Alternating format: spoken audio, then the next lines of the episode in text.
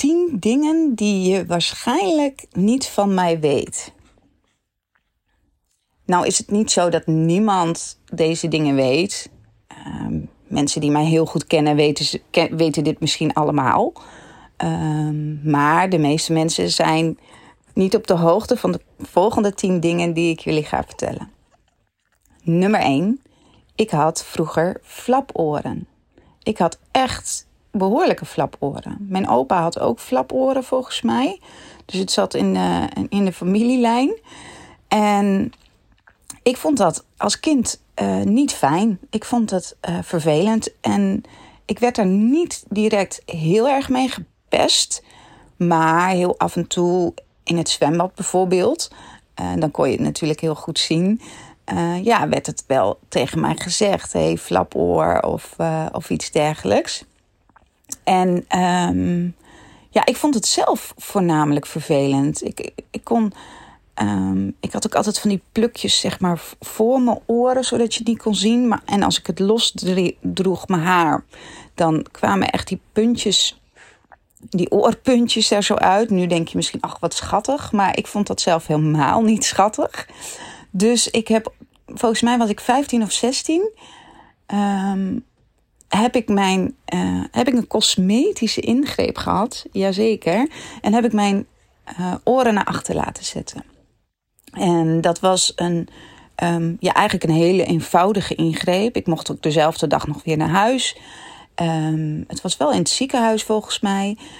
En uh, het enige wat ze doen is eigenlijk ja, soort sneetjes maken achter in het kraakbeen, achter je oor. En dan klapt als het ware je oor vanzelf naar achter. Dus het was eigenlijk een heel eenvoudige ingreep. Ik was ook uh, er zelf bij. Het was een lokale verdoving. Uh, dat was wel heel raar, want omdat het bij je oor is, hoor je ook continu uh, wat, eigenlijk wat, wat ze aan het doen zijn en wat er gebeurt. Aan de andere kant vond ik het heel grappig om mee te maken, omdat ja, weet je, ik kon alles meekrijgen hoe, hoe een chirurg met assistentes te werk gaan ik, ik ervaar dat nog. Ik weet nog dat ik dat een hele bijzondere ervaring vond. Uh, daarna kreeg ik echt een enorme grote tulband of, over mijn hoofd heen. En ik weet ook nog dat het heel veel pijn deed. Dat ik echt heel veel pijn heb gehad. En echt momenten heb gehad van: oh, als ik dit van tevoren had geweten, had ik het niet gedaan.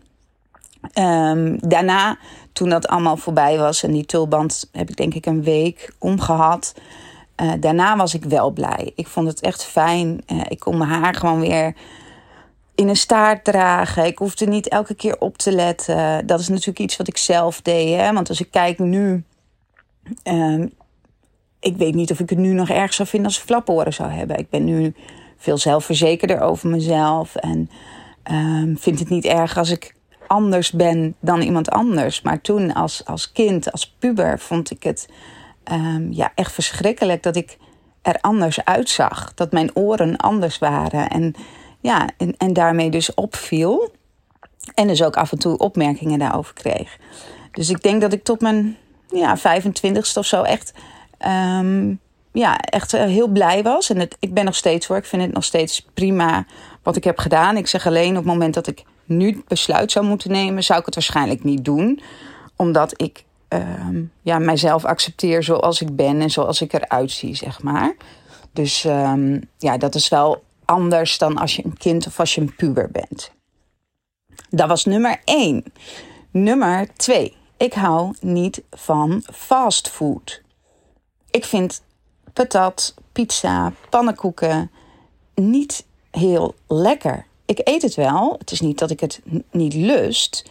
Maar ik vind het gewoon niet zo lekker. En dat is eigenlijk al vanaf kind uh, zijnde dat ik het niet zo lekker vind. En ik zag ook altijd op tegen verjaardagsfeestjes. Want dan kreeg je altijd of pannenkoeken of uh, patat. En ja, ik, ik vond het gewoon niet lekker. Op mijn eigen verjaardagsfeestje um, wilde ik altijd hele aparte dingen. Want het allerlekkerste vond ik gewoon aardappels, groente, vlees. En uh, ik wilde één keer op mijn verjaardag wilde ik bloemkool met aardappels en currysaus. Dat, dat wilde ik gewoon graag eten op mijn eigen verjaardagsfeestje. Nou, mijn moeder vond dat niet zo'n heel goed idee. Uh, ten eerste voor zoveel mensen dat maken had ze denk ik niet zo zin in. En daarom snap ik nu achteraf ook wel waarom patat en pannenkoeken en dergelijke zo makkelijk zijn. Ja, als je een feestje hebt. Maar uh, ja, ik wilde dat heel graag eten. Nou, uh, mijn moeder zei, nou laten we even kijken of er wat anders is. En uiteindelijk hebben we gekozen voor macaroni. Maar ja, ik vind fastfood, ik geniet er niet van. Um, enige wat ik wel lekker vind als ik bijvoorbeeld een pizza zelf kan beleggen. Echt goede pizzabodem met uh, lekker beleg erop. Of een goede vlamkoegen. Uh, wat ook een soort van pizza is natuurlijk. Ja, dat vind ik dan wel lekker. Maar ik zou niet snel, snel patat halen of pannenkoeken bakken of iets dergelijks. Nee, zoals andere mensen daar echt naar uit kunnen kijken of daarvan genieten, dat heb ik dus niet. Dat was nummer twee. Nummer drie. Ik heb een jaar lang gebackpackt door Australië op mijn negentiende. Um, toen ik. zeg ik goed? Ik zit te denken of het mijn negentiende was. Ja, dat was het wel.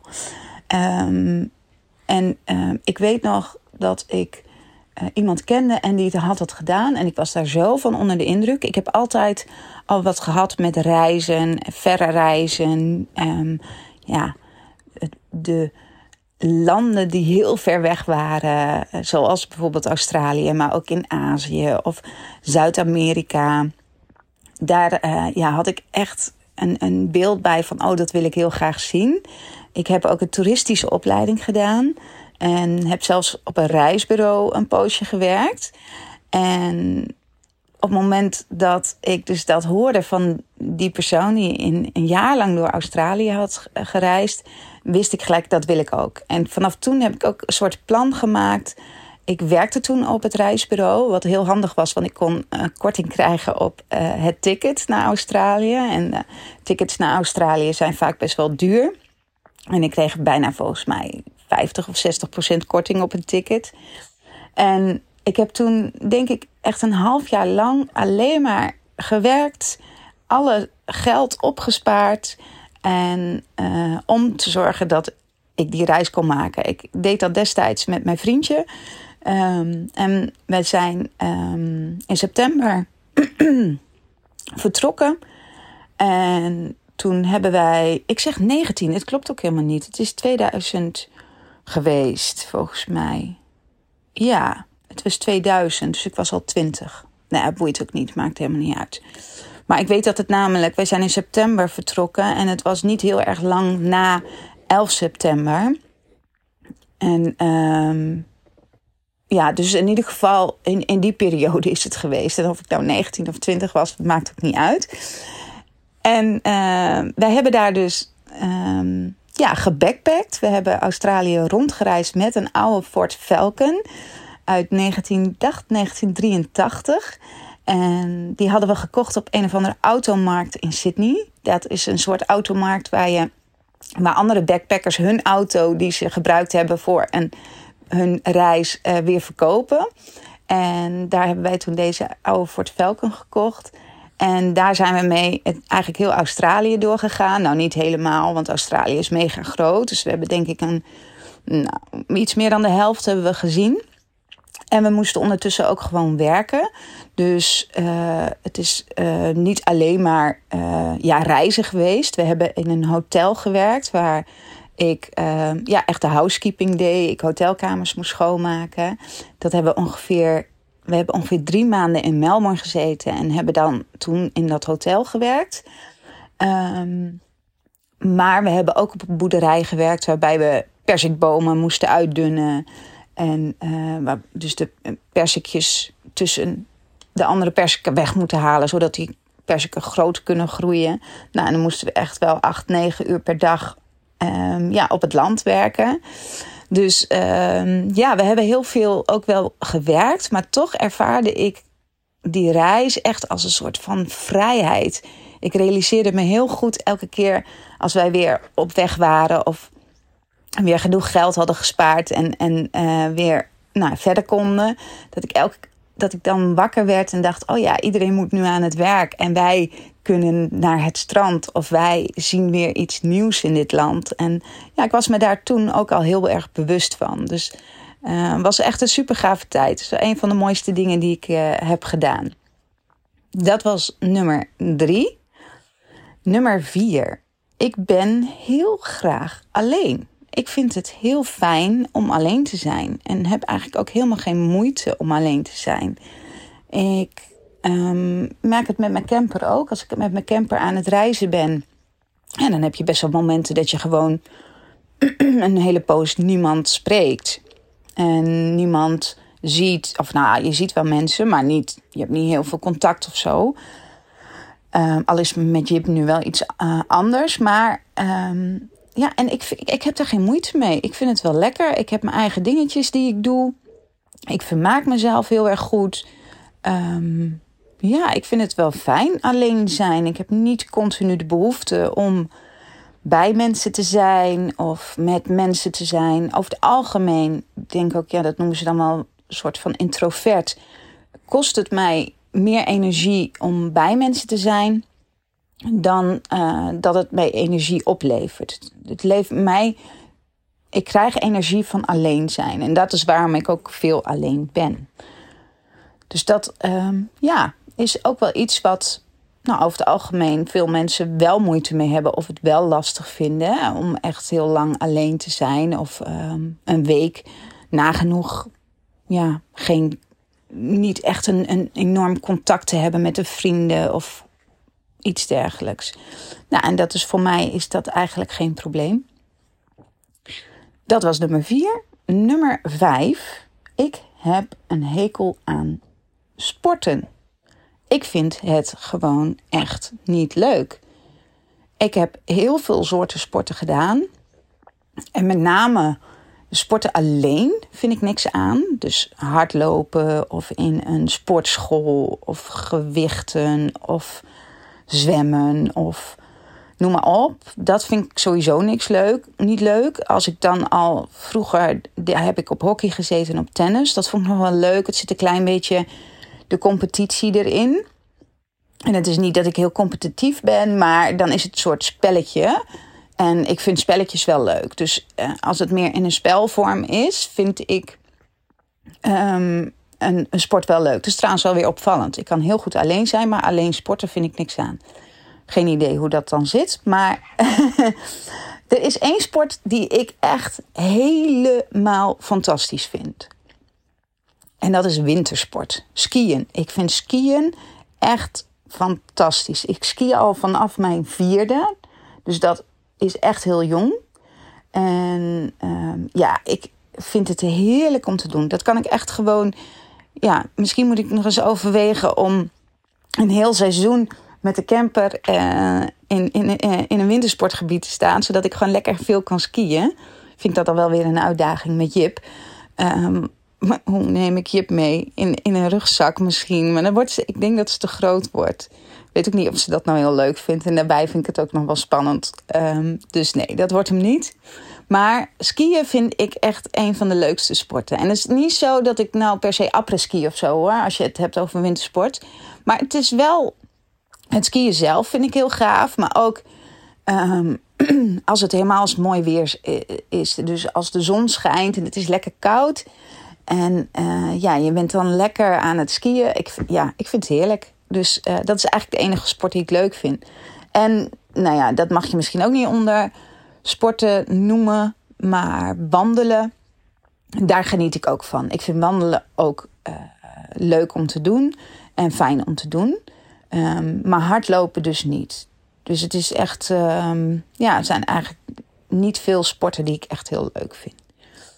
Dat was nummer vijf. Nummer 6.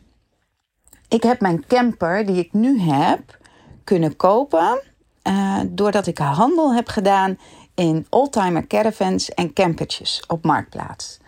Uh, de camper die ik nu heb is uh, best wel van een flink budget. Dat kun je ook wel zien. Het is een behoorlijke grote camper met een garage, um, een goed merk, Hiemer. Um, ja, ook nog niet een heel erg oudje. En uh, ja, best wel flink in de buidel moeten tasten, laat ik het zo zeggen. En dat heb ik mogelijk kunnen maken door uh, ja, te handelen in uh, oldtimer caravans en campertjes. Ik ben begonnen met uh, het, het kopen van oude caravans. Die eigenlijk ja, uh, echt wel de oldtimer look hadden, maar nou, waar best nog wel een en ander aan gedaan moet worden. Niet technisch of zoiets dergelijks, of dat er echt dingen kapot waren. Maar wat ik deed, is, is kocht die een caravan en ik ging hem dan een soort van pimpen. Dus ik maakte hem helemaal um, ja, in de stijl van, van die oldtimer stijl, zeg maar. En um, ja, ik kocht allemaal dingetjes waardoor ik het mooi maakte. En maakte dan mooie foto's en zette hem dan op marktplaats. En dat ging echt als een tierenlier. Ik um, verkocht die campers, of die, die caravannetjes. Nou, die gingen vaak wel drie keer over de kop omdat ik ze zo mooi presenteerde. Dat heeft mij ook wel geleerd dat echt presentatie um, ja, enorm waardevol is als je iets wil verkopen. Je moet je er zelf niet helemaal in vastbijten. Ik bedoel, uh, op een gegeven moment is het goed, goed genoeg. Maar als je iets even net iets mooier kan weergeven, dan ja, dan kan het enorm veel opleveren. En ik kocht dus vaak die caravannetjes van, van die handelaartjes die heel snel wilden verkopen. Dus die kochten dan op en die verkochten nou ja, voor, voor iets meer geld opnieuw. En ik wilde juist echt nou ja, dikke knallers maken, waardoor ik iets meer tijd nodig had. Hè, en dus ook ze helemaal mooi maakte en inrichten en zo. En dan kon ik dus ook meer uh, ja, vragen voor zo'n caravan. En na de caravans heb ik ook een paar oldtimer campertjes gekocht. Um, die, heb ik ook, die heb ik ook opgeknapt. Um, maar uh, die heb ik eerst, heb ik, want ik dacht dat dat ook wel handel zou zijn, heb ik die zeg maar in de verhuur gedaan. Via zo'n website die je hebt. Je hebt tegenwoordig GoBooney en volgens mij nog een aantal. En uh, ik heb dat toen ook gedaan. Ik had op een gegeven moment had ik drie campertjes in de verhuur. En ik dacht echt van oké, dit wordt mijn handel, zo ga ik het doen. Had het allemaal goed geregeld. Maar um, dat viel wel een beetje tegen. En niet, ik bedoel, ik kon ze wel goed verhuren, dat was het probleem niet. Alleen het probleem met oldtimer campertjes is dat er ook redelijk snel wat mee aan de hand is. Dus om de havenklap um, werd ik gebeld door degene die hem gehuurd had ja, we staan stil of uh, dit doet het niet meer. Of nou ja, kortom, uh, ik moest elke keer als, uh, als ik hem verhuurd had en ik kreeg hem weer terug, moest hij weer naar de garage. En was ik eigenlijk het geld wat het opleverde aan verhuur, was ik weer kwijt aan de garage. Nou, dat werkte gewoon helemaal niet. Dus op een gegeven moment heb ik besloten: gaan we niet doen. Ik ga de campertjes allemaal verkopen. En uh, dat heb ik, uh, ja, die hebben ook echt enorm veel geld opgeleverd. Ik bedoel, oldtimer campertjes, uh, als je die ook weer mooi maakt en echt in een bepaalde stijl. En ik had ze ook namen gegeven, uh, Gypsy en, en dat soort namen, zeg maar. En uh, had ik dus op marktplaats gezet met hele mooie foto's. Nou, echt enorm veel geld voor gevangen. Dus, um, en uiteindelijk heb ik met al het geld wat het heeft opgeleverd, um, heb ik de camper kunnen kopen die ik nu heb en waarmee ik dus nu rondreis. Dus dat is nummer, was het nummer 6, hè? Ja, nummer 6. Nummer 7. mijn allereerste zoen was met een Belg op mijn zestiende. Um, ja, ik heb pas voor het eerst gezoend op mijn zestiende. Ik, ik kon wel eerder zoenen met een jongen of zo. Kreeg die gelegenheid wel. Maar ik durfde het niet. Ik vond het zo eng. Ik vond het, ik weet niet waardoor dat kwam, maar ik, ik had er iets heel groots van gemaakt. En al mijn vriendinnen hadden al gezoend. En ik dacht echt van ja, op een gegeven moment werd ik ook steeds wat ouder. En toen dacht ik van ja, maar ik, straks kan ik helemaal niet zoenen. En hoe moet ik dan zoenen? En dus ik, ging het maar uitstellen en uitstellen. Tot ik op vakantie was met mijn ouders en een vriendin in uh, België. En, en daar kreeg ik dus de gelegenheid. En toen dacht ik, oh weet je wat, dan doen we het nu. En uh, dan, dan, zo iemand hoef ik nooit weer te zien. En die kan ook niet tegen anderen zeggen: Oh, Judith kan niet zoenen of zo. Dus het was een hele veilige manier. En ehm, het was een, ja, een beetje vreemde jongen, was het wel. En hij was ook een stuk ouder dan dat ik was. Maar hij kon zelf heel goed zoenen. Dus, um, en hij wou ook alleen maar zoenen. Dus ik heb toen ook echt een snelcursus zoenen gehad. En sindsdien vond ik het ook minder eng om te zoenen. Maar dat was eigenlijk mijn eerste zoen op mijn zestiende. Nummer 7. Ik draag het allerliefste. En ik weet dat dat al vanaf kinds af aan is een joggingbroek en een oversized trui. Ik vind dat gewoon comfort. Ik hou van comfort, ik hou van gemak en ik vind dat heerlijk zitten. En als je foto's kijkt van mij, vroeger was dat al zo, had ik joggingspakken aan. Uh, toen ik op de um, ehm, MTRO, dus de toerismeopleiding zat, uh, droeg ik oversized truien van mijn broer. Uh, terwijl iedereen altijd netjes met de mode meeliep, droeg ik de oversized truien van mijn broer. Niet omdat uh, dat, dat nodig was, maar gewoon omdat ik dat lekker vond zitten. Dus ik ben wat dat betreft altijd wel een beetje een, een ja, zo'n aparte geweest. Maar ik heb het nog steeds. Ik vind het heerlijk om oversized truien te dragen en een joggingbroek. Nou doe ik dat niet overal naartoe. Maar ik ben ook makkelijk als ik naar de winkel moet of zo. Eh, het is niet dat ik denk van, oh, nou moet ik even mij omkleden om iets netjes aan te doen. Nee, ik loop zo in uh, zo'n kloffie de supermarkt in en het maakt me eigenlijk niks uit. Um, ja, ik vind het gewoon lekker zitten en uh, ik hou ervan. En dat heb ik eigenlijk al vanaf kinds af aan. Nummer 9. Ja, ja. Nummer 9. Ik heb een trauma voor bloedprikken.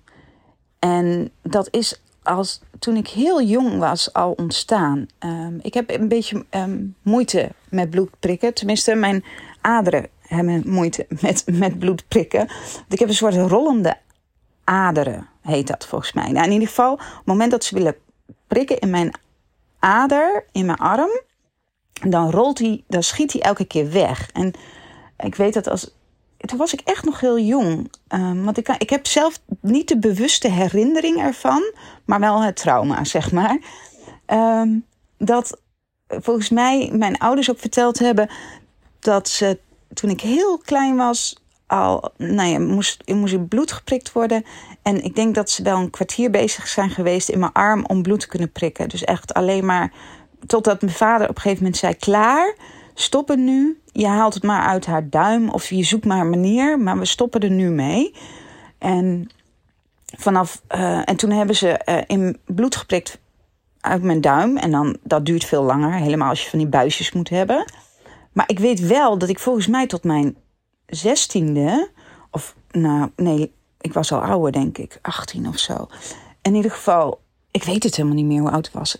Ik, ik ben, oh ja, nou ja, dat is ook zo'n dingetje, die heb ik hier niet op het lijstje geschreven, maar ik heb een hele slechte herinnering. Um, maar ik, ik heb heel lang, uh, als er bloed geprikt moest worden, uh, dat het uit mijn duim moest. Ik durfde gewoon niet meer dat bloed prikken in mijn arm. En uiteindelijk um, ja, heb ik wel weer de keuze gemaakt: oké, we gaan het weer proberen. Maar ik merk nog steeds dat ik het heel spannend elke keer vind. En ik zeg het ook van tevoren altijd: van joh, uh, ik ben moeilijk te prikken. Ik heb een rollende ader. En als er dus iemand is die het nog niet vaak heeft gedaan, vraag ik ook altijd aan, eh, ja, om iemand die die ervaring heeft. Want die kunnen echt veel beter zien welke aders ze moet eh, prikken. En volgens mij is bij mij rechts ook moeilijker dan links. Nou ja, in ieder geval, ze liggen ook nog weer volgens mij best wel diep. Maar ik heb daar echt, ik heb echt daar een trauma aan overgehouden. Ja.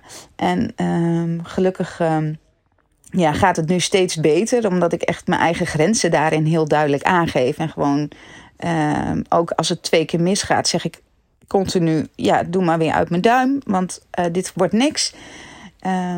Maar het is wel echt een dingetje geweest, een hele poos. Oké, laatste, nummer 10. Ik wil altijd nog een keer in een straaljager vliegen. Ik dat lijkt me gewoon super gaaf. Ik, had als kind al een fascinatie als straaljagers overkwamen. En de film, hoe heet die film toch? Met Tom Cruise. Ik weet, eh, zie, jongens, die herinnering, die had ik ook op het lijstje moeten zetten. Ik, ik kan me echt, en dan kan niet op namen komen of iets dergelijks. Ik heb echt een heel slecht geheugen. Misschien als ik ga doorpraten, dat ik zo weer uh, op de naam kom. Er was dan een, een film met Tom Cruise en ook over straaljagers en zo. Oh, ik vond dat zo gaaf. Ik vond dat ja, ik, en, en ik heb daar gewoon een fascinatie voor. Ik wil altijd nog een keer mee in zo'n straaljager. En dan inderdaad zo'n dikke loop maken. En ja, sneller dan het geluid zijn. Ik, het lijkt me gewoon fantastisch. Het lijkt me echt heel gaaf om dat mee te maken en uh, te doen. Nou weet ik dat het mogelijk is, maar het is echt uh, enorm duur volgens mij om, uh, om dat te doen. Maar het is volgens mij mogelijk. Dus wie weet ga ik ooit nog in een straaljager vliegen. Uh, ja, geen idee. Dit waren de tien dingen die je waarschijnlijk nog niet uh, van mij wist. En vond je het leuk om er naar te luisteren? Dit is de langste podcast van alle podcasts die ik tot nu toe heb opgenomen. 25, bijna 26 minuten. Um, dus die lijstjes die werken wel goed. Dus wellicht dat ik nog weer eens een keer een lijstje ga doen. Um, maar voor nu is dit weer voldoende voor vandaag. Tot morgen.